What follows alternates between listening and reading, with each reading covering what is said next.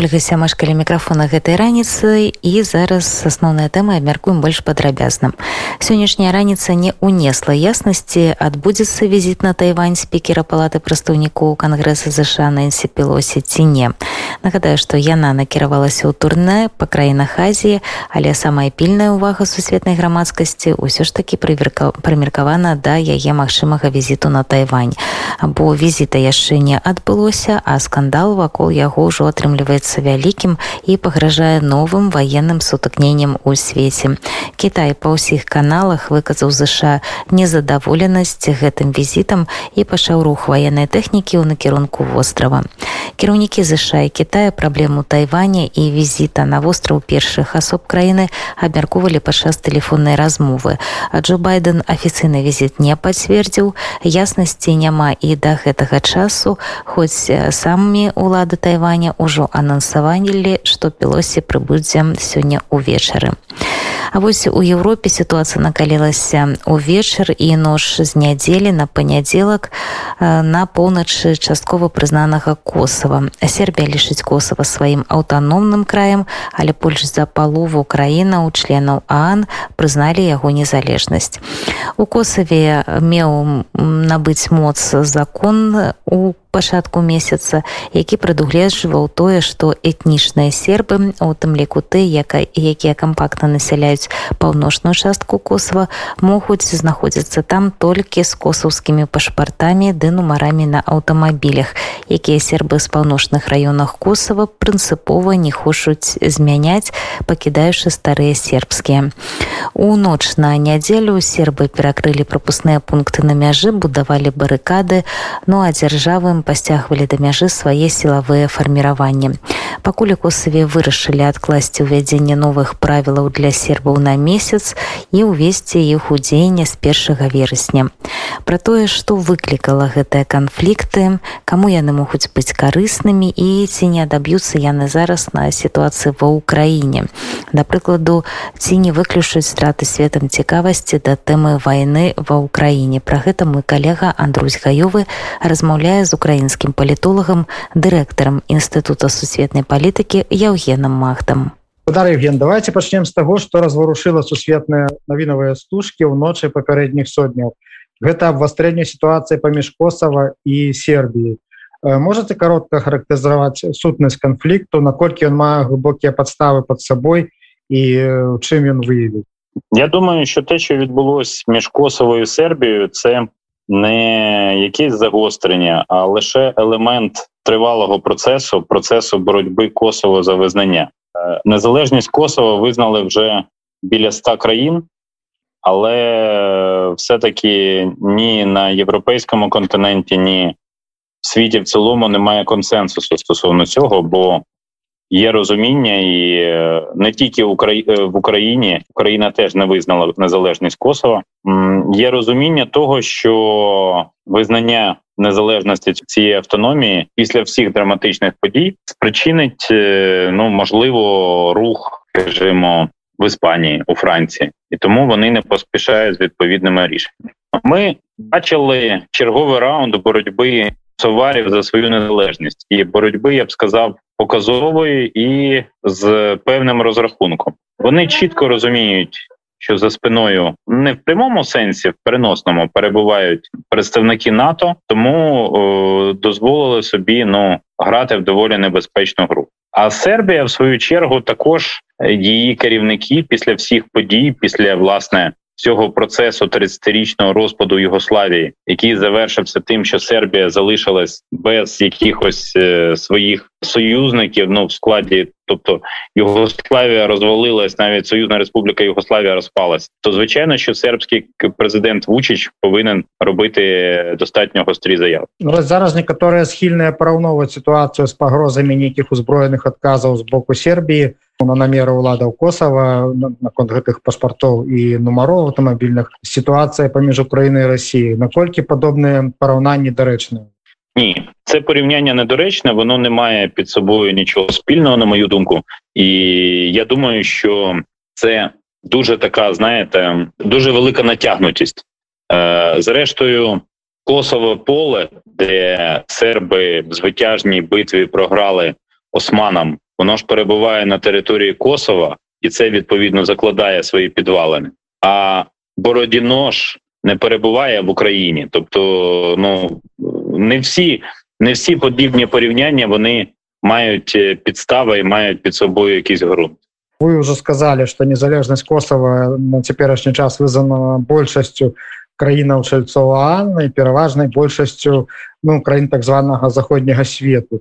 А в той час Украіна у ліку тых краінаў сярод якіх дарэчы Кітай і Росія, якія суверэнітэт косава не вызнаюць Ну чаму не вызнаюць Іспанія там Францыя дзе маюцца таксама такія э, тэрыторыі якія могуць заявіць пра свае намеры незалежнасці як бы вы, вы таксама сказали зразумела а, а ці мае сэнс зараз сказаць пра патрэбу вызнання косава украінай вось у сербіі лічаць косава сваёй тэрыторыяй а ўлады яе лічаць сепаратыстамі і зноў жа пытанне паралеляў ці няма тут падобнага з так званымі рэспублікамі якія пастваралі расейцы на акупаваных тэрыторыях Украіны Я думаю що Україна косово не визнає тому що е, в такому разі постає надто небезпечна паралель з Кримом, і тобто, це буде додатковий козир для Росії, не говорячи вже про так звані ДНР і ЛНР. Тобто, треба. Е, я думаю, що якщо е, ну передумовою визнання Косово може стати тільки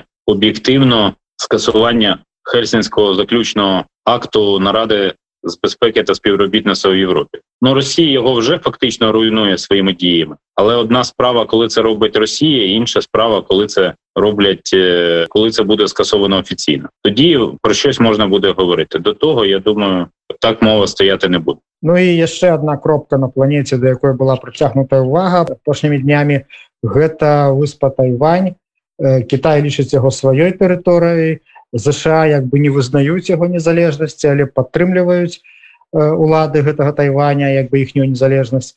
А ў канцы ліпеня у медыя пашыралася інфармацыя магчымым візіце на тайвань спікеркі палаты прадстаўнікоў кангрэсу ЗША нэнсі пэласі які Кітай расцэньваў вельмі негатыўна абяцаў жорсткія ваенныя нейкія захады в адказ.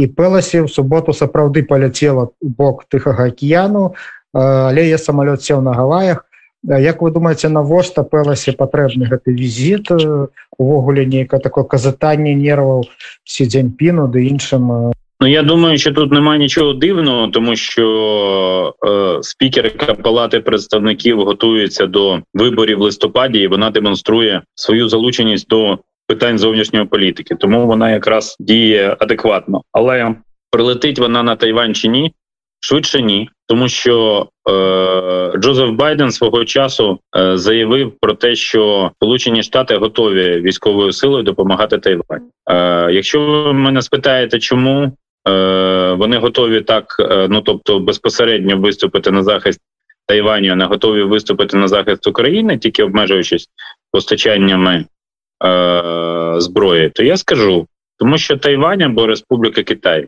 випускає значний спектр мікроелектроніки, напівпровідників тощо. А Україна, на жаль, ні. Так що в сучасному світі держава з більш просунута технологічно має відповідно свої переваги. Ну і вось як вы думаеце ці могуць гэтыя працэсы вось тое што адбываецца у Европе на балканах і тое што адбываецца ў Азіі э, паўплываць на тое што адбываецца ва ўкраіне ці не адсунуць яны на нейкі другі ці там на яшчэ нейкі план расійска-украінскую вайну ці не адцягнуць магчымасці военной дапамогі краінаў нато ўкраіне і ці врэшце не дадуць нейкія новыя карты ў руки тым хто разыгрывае стварэння вось гэтых всякихх псевдодзяржаваў на акупаванай расійцамі тэрыторыі Украіны Ну трэба сказати що серпень взагалі період відпусток в світі і світова світовий стеблішмент цей час віддає перевагу тому що відпочивати Тому е, це все так би мовити не дуже вчасно, але я думаю, що це не матиме е, значних наслідків власне військових з тієї простої причини, що Китаю, е, ну скажімо, активні бойові дії зараз вони не грають на руку. Е, вони просто відкинуть Китай в його боротьбі за право стати першою економікою світу.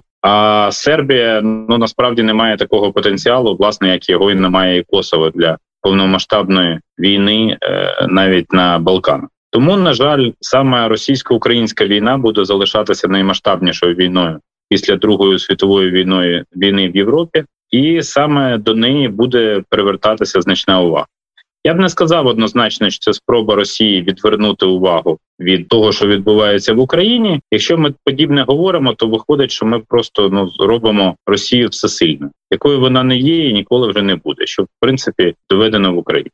Меў на увазе што вось менавіта тое што Украіна не вызнае косава той же час ЗША напрыклад не вызнаюць Тайвань але падтрымліваюць яго амаль таксама як Росія падтрымлівае гэтыя свае ДНРы што напрыклад вось гэтыя паралелі могуць сыграць на руку крамлю у тым што там іх яны кажуць палітыка двойных стандартаў на захадзе і гэтак далей Справа в тому, що Росія настільки послідовно на біле говорить чорне, а на чорне говорить біле, що їй не потрібні якісь інші прецеденти. Вона після того як робить різноманітні заяви російського офіціозу, я вже не беру якихось там інформаційні агенції, чи ще вони настільки е, порожні, настільки фальшиві, що їм не треба ніякі інші приводи. Вони брешуть самі по собі незалежно від того, що відбувається навколо. Ну, того у вас нема ніяких хваляванняў, що гэта може неяк паўплываць на ситуацію датычна України. Закон про ленд-ліз Сполучені Штати підписали. Він почне працювати в будь-якому випадку з жовтня, а буде він поширюватись тільки на Україну чи ще й на Тайвань. Це не матиме принципового значення. Що стосується Косова, то достатньо подивитись на карту цього регіону, щоб зрозуміти, що там неспокій це постійний хронічний стан, і нічого в цьому дивного особливо немає. Влітку 2014 року там е, розгорілася Перша світова війна після замаху на е, австро-угорського ерцгерцога Фердінанда, його вбивство сербським е, анархістом Гаврилою Принципом. Потім, після 45-го року, там постало ну, постала замість королівства Сербів, Хорватів і Словенців або Югославії постала Союзна Республіка Югославія, яка була соціалістичною, але була при цьому одним з лідерів руху неприєднання. А в 90-х роках, на початку 90-х років, вже невдовзі після смерті Йосипа Брос Тіто, там почався процес дезінтеграції. Дезінтеграція, яка носить, я б сказав, глибинний характер. Відділення Косова остаточне, ну скажімо, визнання повним міжнародною спільнотою стане остаточним завершення. Далі вже не буде не буде що робитися. Ну там залишиться тільки Боснія, яка складається з трьох складників.